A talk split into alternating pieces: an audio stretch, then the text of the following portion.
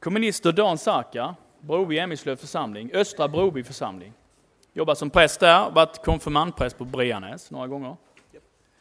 Mycket välkommen hit.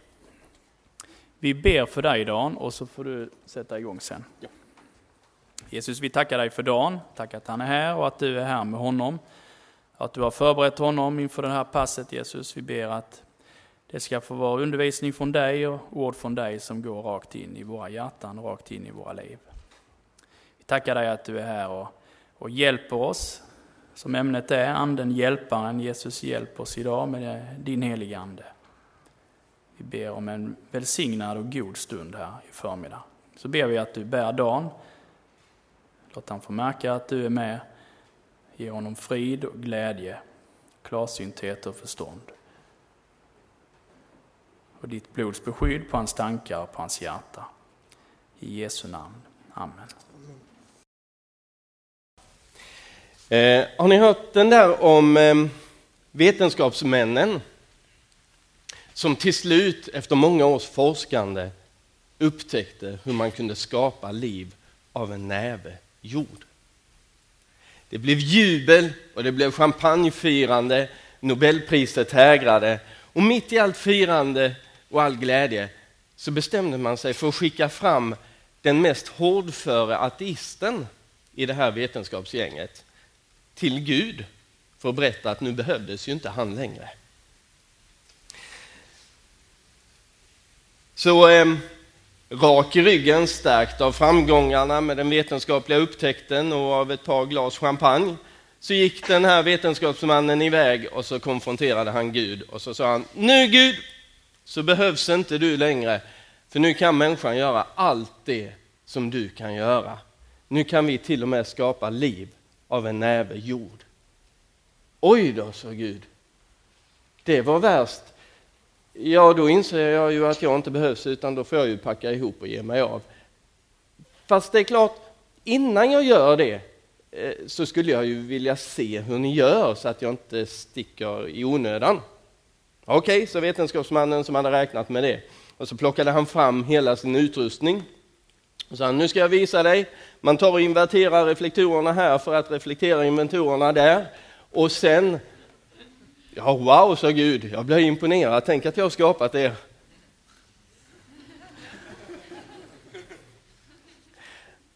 Sen sa vetenskapsmannen, så tar man bara en näve jord. Ah, stopp ett tag, sa Gud.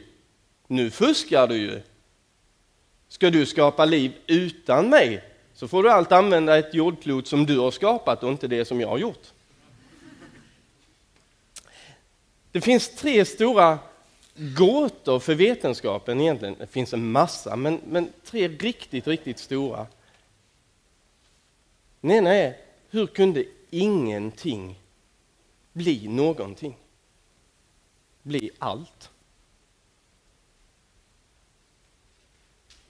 Det hjälper inte att säga att det var en, en, en urexplosion, en Big Bang. Ingenting har inte en tendens att explodera.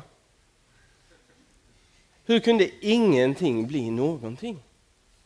Och hur kunde detta, den andra gåtan är, hur kunde detta någonting, alla dessa mineraler, metaller, atomer, radioaktivitet, strålning, allting, hur kunde det bli liv?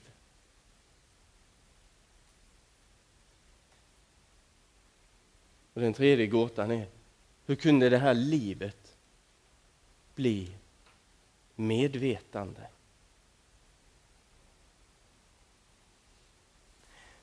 När vi går till Bibeln så kommer vi inte hitta något svar på hur det gick till. Men vi kommer att se väldigt mycket om att den heliga Ande är en nyckelperson i det hela. Den heliga Ande har med livet att göra.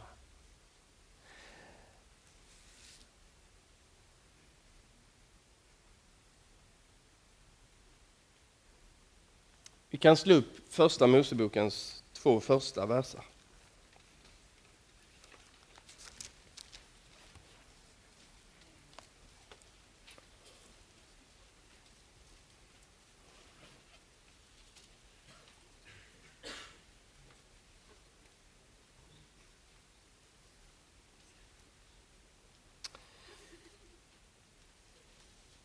Första Mosebokens två första verser lyder i Bibel 2000. I begynnelsen skapade Gud himmel och jord. Jorden var öde och tom och djupet täcktes av mörker och en gudsvind svepte fram över vattnet. I den gamla översättningen och i folkbibeln så tror jag att det står att Guds ande svävade över vattnet. Eh, på hebreiska så är ordet för ande och vind samma. Eh, så man skulle mycket väl kunna säga som det står här att en gudsvind svepte fram över vattnet. Men då får man kanske förklara också vad en gudsvind är. Och det har jag ingen aning om. Fast å andra sidan så vet jag väldigt lite om vad Guds ande är också. Jag ska komma till det. Men när det står att Guds ande svepte fram över vattnet så kan det ordet också översättas med att, att Guds ande ruvade över vattnet på, på samma sätt som en fågel ruvar sina ägg. Här sker ett skapande av liv där Guds ande är med.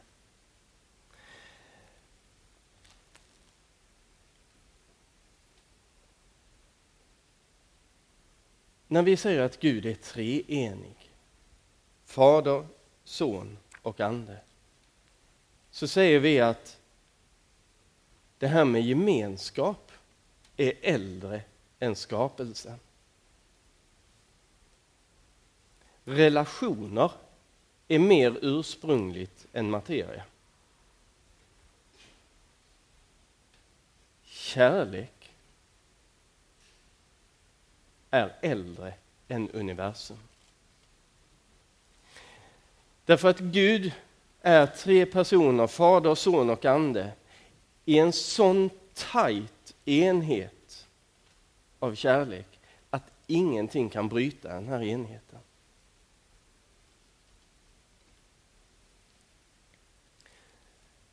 I den här enheten så är det ett liv.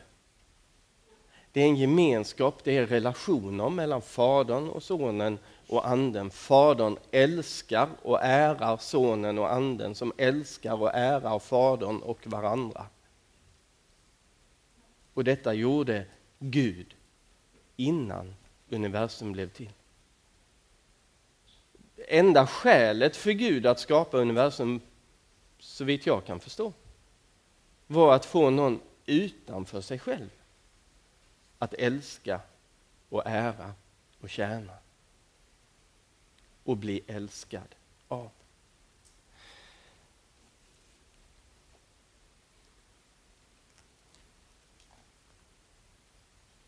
När Jesus talar om den heliga Ande så gör han det ofta med beundran i rösten. Ehm, vi kan ta som exempel Johannes 16, 7.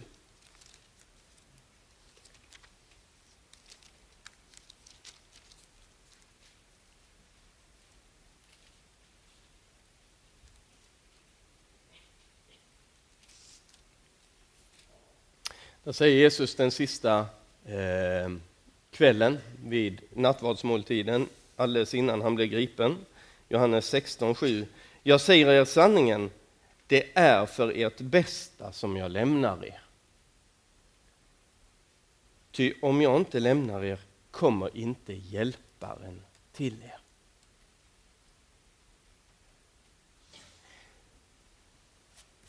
Det är för ert bästa som jag lämnar er. Det skulle man ju kunna förstå om han hade varit väldigt taskig mot dem. Ja, nu, nu drar jag och det, det blev ju det bästa för er. Och så har han istället bara visat gott mot dem, älskat dem in till slutet. Och så säger han, nu kommer det som är ännu bättre. Nu kommer hjälparen, den helige Ande.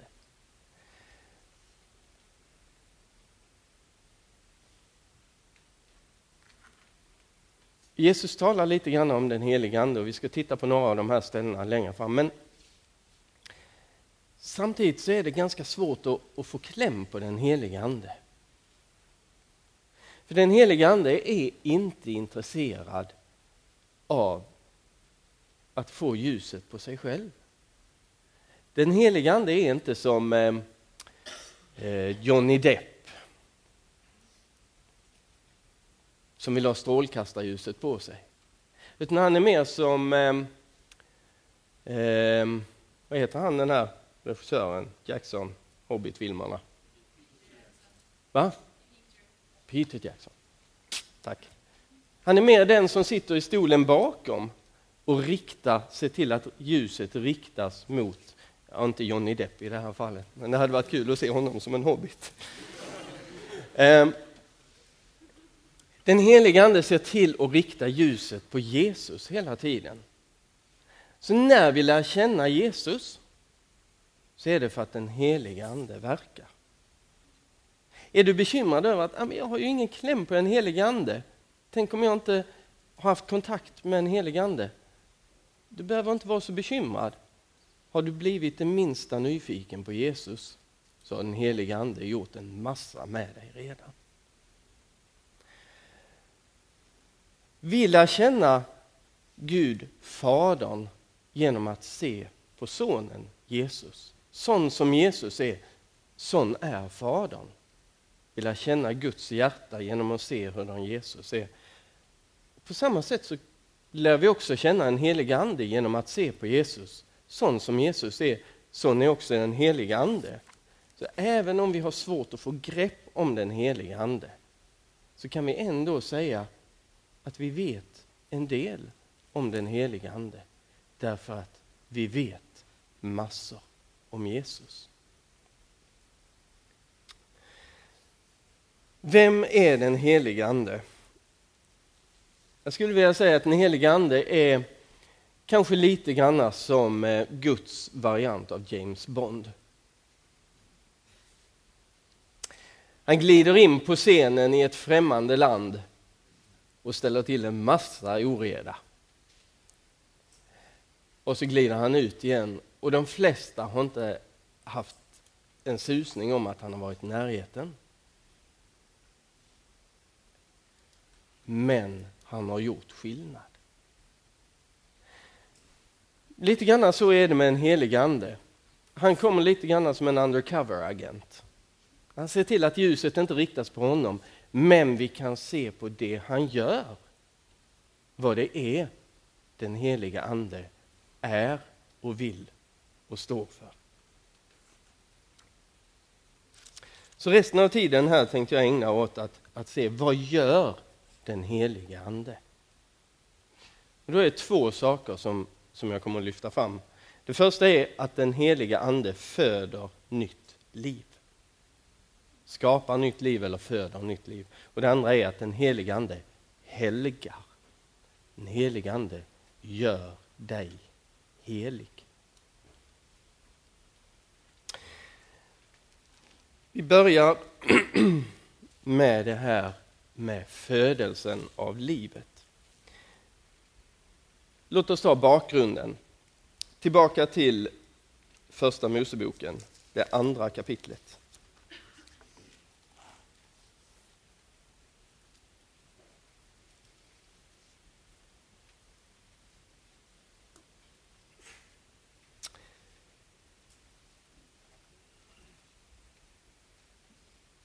I den sjunde versen så står det att då formade Herren Gud människan av jord från marken och blåste in liv genom hennes näsborrar så att hon blev en levande varelse.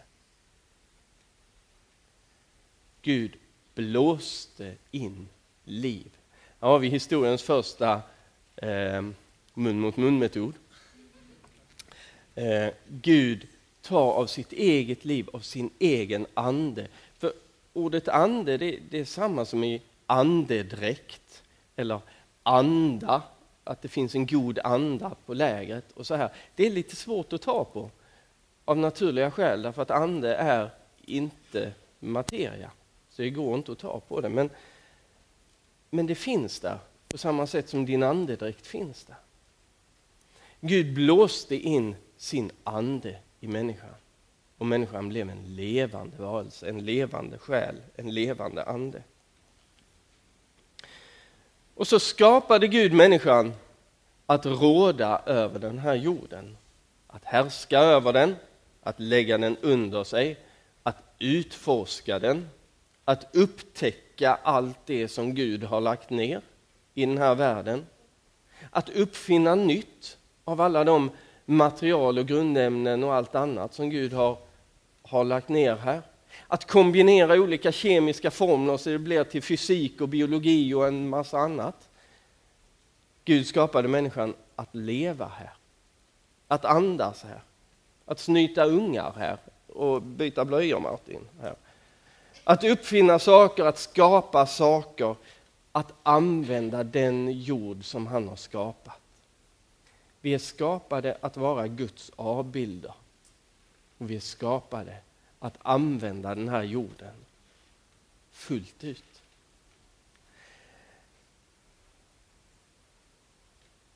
Men så kommer syndafallet.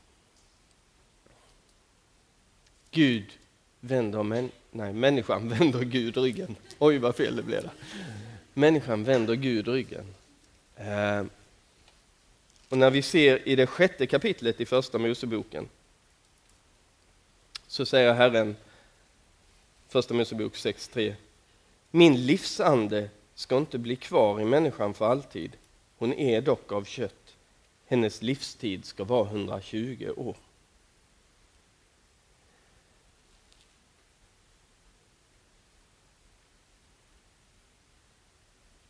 På något sätt så är människan tänkt att vara en evighetsvarelse fastän vi är materia.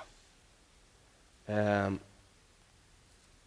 jag är inte säker på att det är så med, med allting annat utan att den död som finns i naturen och som, eh, som gör att träden tappar bladen och att de förmultnar och att det blir näring och att det blir till nytt liv eh, på våren. Det tror jag på något sätt att det ingår i, i, i hur den här världen skapades att fungera. Men människan var inte tänkt för döden. Vi var tänkta att ha ett evigt liv.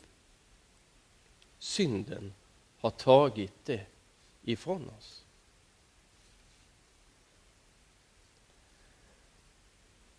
Och inte nog med att döden har kommit in i människan. Synden perverterar oss. Tar det som är gott och vackert och fint och förvrider det. Eh, för ett par veckor sedan så ehm, var vi i familjen på semester. Vi åkte ner till Polen och Tyskland. I Polen så besökte vi bland annat Auschwitz. Jag har varit där en gång tidigare eh, och, det är så oerhört svårt att, att komma ifrån en, en alldeles särskild känsla när man är där. Och det är känslan av att samtidigt vara på helig mark och på förbannad mark. Det är så oerhört kluvet. Här har bröder och systrar i hundratusental, i miljontals blivit avrättade. Det här är, är både heligt och förbannat på något sätt. Vi hade fantastiska samtal i familjen när vi på kvällarna sen satt och åt och pratade om det vi hade varit med om. Och då kom vi att tala om, om Himmler, Heinrich Himmler, en av de här högst ansvariga för utrotningen. Eh, när han ställdes inför rätta efter kriget så var det en journalist som rapporterade från rättegången som skrev det att jag hade förväntat mig att när Heinrich Himmler kom in i rättegångssalen så skulle jag vara djävulen själv.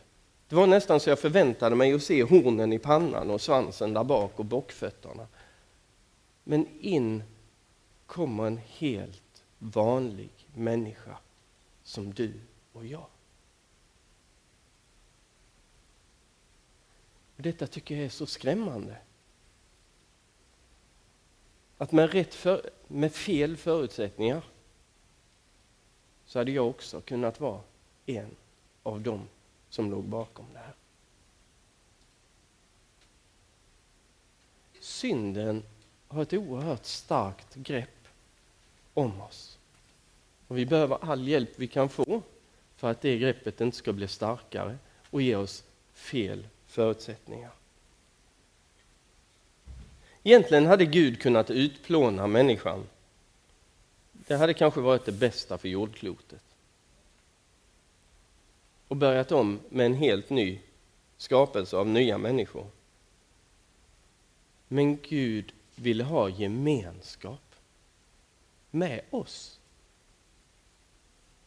Med oss, inte med ett annat människosläkte, utan med oss vill Gud ha gemenskap.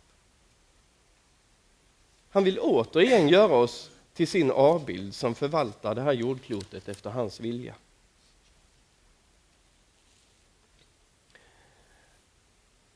Det som hindrar oss från att ha gemenskap med Gud, det är synden. Synden gör att vi tål inte Guds helighet, Guds renhet. Vi kan se efter i Andra Moseboken kapitel 20.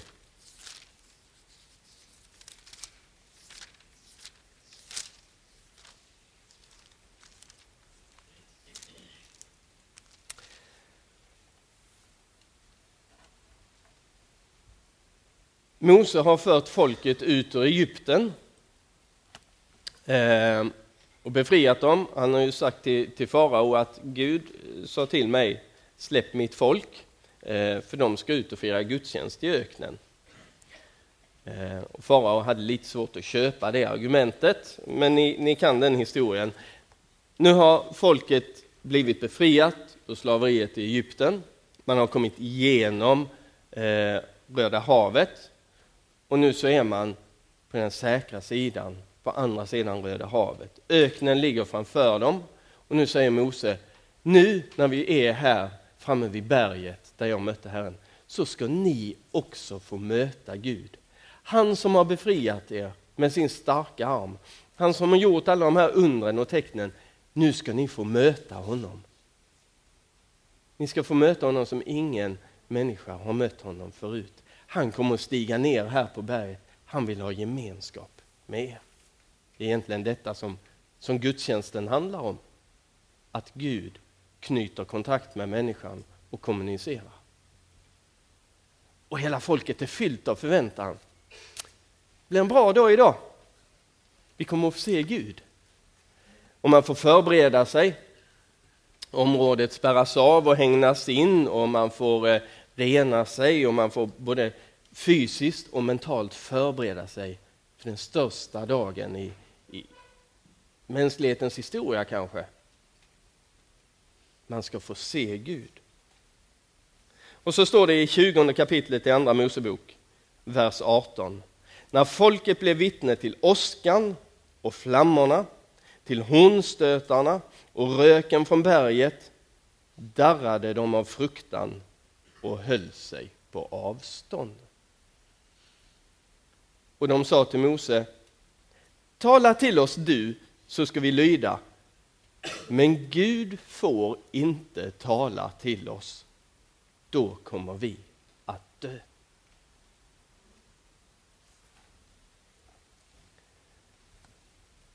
När Gud började närma sig dem så var hans helighet som att som att ett vulkanutbrott började närma sig dem.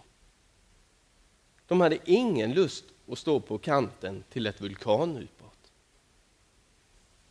Alltså Guds helighet är så skrämmande.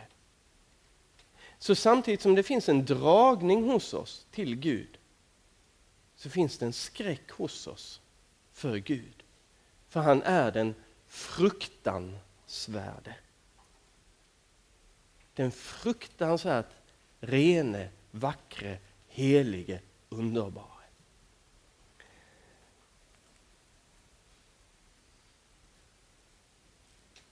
Och det här gjorde att Gud kunde liksom inte komma nära människan.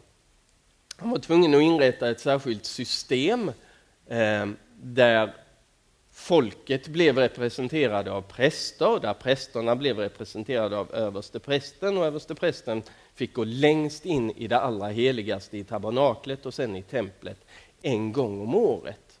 Eh, och på det sättet bära med sig folket inför Gud. Och Gud liksom tonade ner, inte sin helhet, för det kan han inte tona ner, men han transformerade ner den så att översteprästen kunde möta honom. Men så fort Gud lät bli det där så kan vi se hur det blev i Andra Mosebok kapitel 40.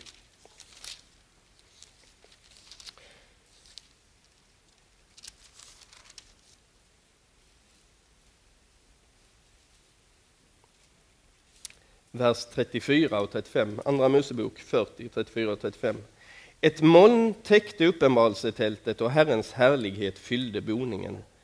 Mose kunde inte gå in i uppenbarelsetältet, ty molnet vilade över det och Herrens härlighet fyllde boningen. Inte ens Mose som, som faktiskt kunde gå upp på Sinai berg och möta Herren, inte ens han kunde göra det, komma nära Herren när Herren visade sig i sin härlighet. Så, detta är alltså människans läge. Gud vill ha gemenskap med oss och det finns en längtan hos oss efter att ha gemenskap med Gud. Men för att kunna ha gemenskap med oss så måste Gud antingen bli syndare själv, då är det ju inga problem, fast det är lika lockande för Gud som att bli nazist eller bada i bajs eller dricka radioaktivt vatten. Antingen måste Gud bli syndare eller så måste människan bli helig. Och Gud valde det senare alternativet. Att göra människan helig igen. Men det var ett alternativ som kostade honom allt.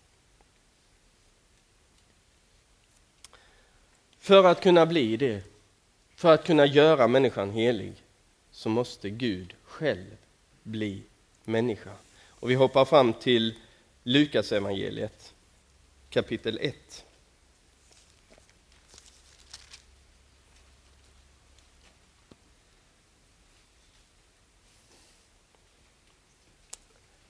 Lukas evangeliet kapitel 1. När ängeln Gabriel kommer till Maria så står det i vers 34. Maria sa till ängeln, hur ska detta ske? Jag har ju aldrig haft någon man.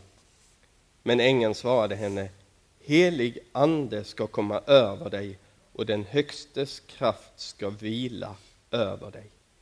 Därför ska barnet kallas heligt och Guds son. Den helige ande kommer över Maria och så har vi det här, den högstes kraft vilade, ruvade över henne. Där skapas ett liv. Ett liv som fanns av evighet, nämligen sonen inom gudomen, blir nu materia. Blir kött. Blir celler. Får DNA och kromosomer och molekyler och proteiner precis som du och jag.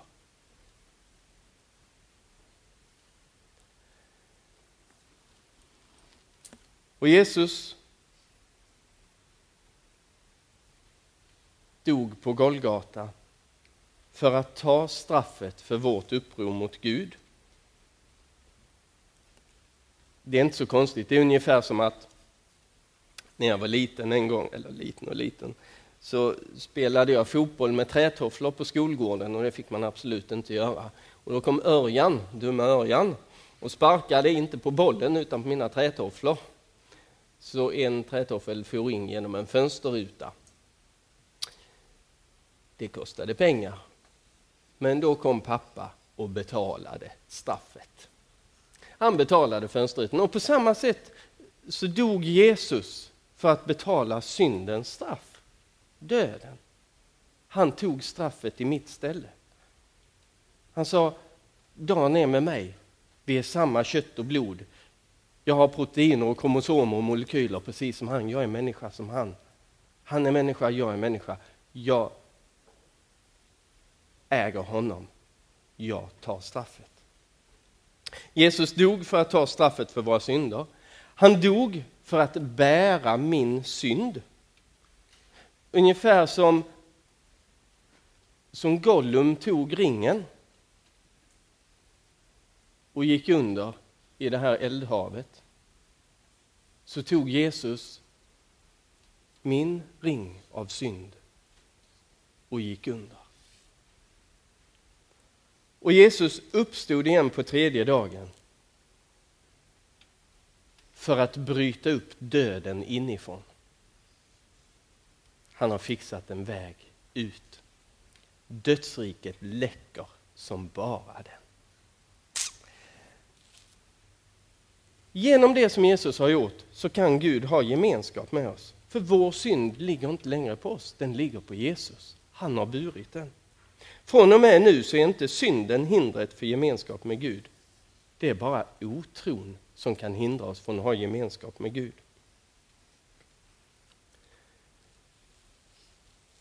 Otron gör att vi inte vill det som Gud vill, nämligen ha gemenskap med honom. Därför så behöver någonting hända med oss här inne. Vi behöver vilja det Gud vill.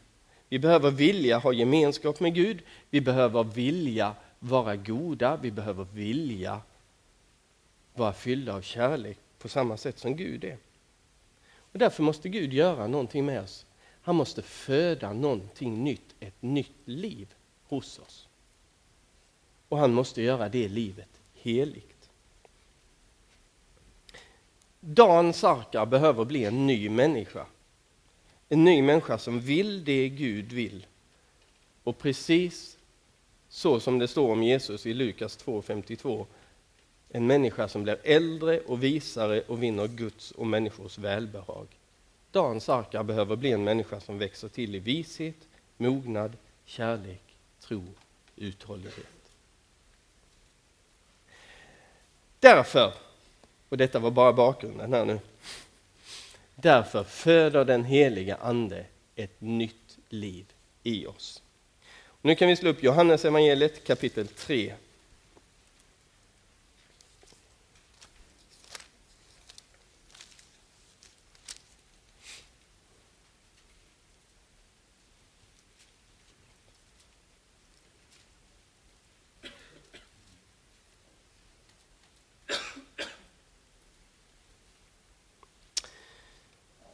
Där har vi Nikodemus som tillhörde regeringen, Stora rådet eh, och som inte riktigt vågade stå för att han hade blivit fascinerad av Jesus utan han sökte upp honom på natten.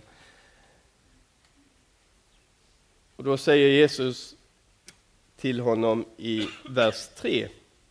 Sannerligen, jag säger dig, kapitel 3, vers 3 i Johannesevangeliet. Sannerligen, jag säger dig, den som inte blir född på nytt kan inte se Guds rike.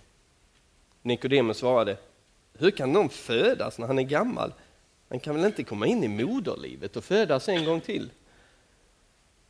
Alltså min mamma tycker ibland att hon är tjock, men om jag skulle hoppa in i hennes mage, då skulle hon verkligen bli tjock.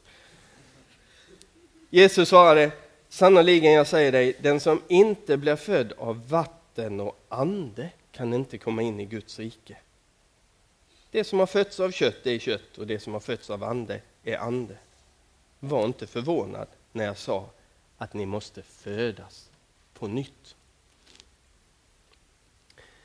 Vatten och ande, det är dopet det här handlar om. Dopet är ditt andra BB. Mitt första var Kristianstad BB och mitt andra var en dopfunt i Köln, för det var där jag blev döpt. Ehm, du har också två BB. Ett, där din vanliga gamla människa, den som lever i max 120 år, och vi får hoppas det blir nästan så långt i alla fall. Eh, det andra BB, där föddes en människa som kommer att leva i evighet. Och nu är grejen att du är en enda person men består av båda de här personerna. Du är schizofren. Du har en gammal människa i dig och du har en ny människa i dig. Och från den stunden du fick båda människorna i dig så pågår det en kamp dem emellan. Vilken av dem ska ha herraväldet? Vilken av dem ska få mest plats? Den nya människan i dig är egentligen ingen annan än den heliga Ande. Det är den helige Ande som har samma egenskaper som Jesus. Samma förmågor som Jesus. Samma personlighet som Jesus. Den helige Ande vill växa till i dig och prägla dig mer och mer. För den helige Ande, det livet, det som föddes i det nya BB i dopfunten, det livet är det enda som kommer att ärva Guds rike och leva för evigt. Jag pratar alltså inte om din kropp här nu som det ena och, och som din ande eller själ som det andra. För din kropp kommer att uppstå på den yttersta dagen. Den kommer att bli förhärligad så att den på något sätt klarar av att leva i evighet utan att bli alldeles för russinlik i ansiktet. Jag vet inte hur det kommer att gå till, men jag vet att Gud gjorde någonting när han uppväckte Jesus så att hans kropp blev förhärligad. Hans kropp var samma kropp, han åt. Eh, vid ett tillfälle står det att, att när lärjungarna trodde att han var ett spöke så sa han, ja men ge mig lite fisk att äta då. Spöken käkar väl inte fisk? Och tog han samma bit av fisken som jag brukar få så var det en massa ben i den så de kunde se efteråt att det låg en massa ben på tallriken. Det var en kropp som han kunde säga till Thomas, Thomas, du har ju svårt att tro, stick hit din hand, här är såren i mina händer. Känn efter, stick fingrarna här i. Och här är, här är såret i sidan. Stick in handen djupt så kan du känna mitt hjärta. Så här. Och det gjorde inte ont på Jesus. Såren fanns där. Men de var inte herre över honom. Han var herre över dem. De fanns där bara för att de förhärligar honom. Och på något sätt så kommer det att bli så med våra kroppar också, att vi kommer att få härlighetskroppar precis som Jesus. Det kommer inte vara en annan du som uppstår. Det kommer att vara du. Och såren som du har fått i livet kommer på något sätt att finnas där därför att livet är på riktigt. Men de såren kommer inte att vara herre över dig. De kommer bara att öka Jesu härlighet. Så att det är inte så att, att ande och, och, kropp står emot varandra här, utan jag talar om den gamla och den nya människan. Den gamla och den nya personligheten. Den gam, det gamla och det nya jaget. Ehm.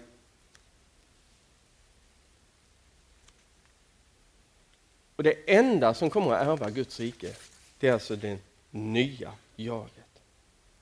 Gud har blivit kropp för att du ska bli andlig, men inte okroppslig.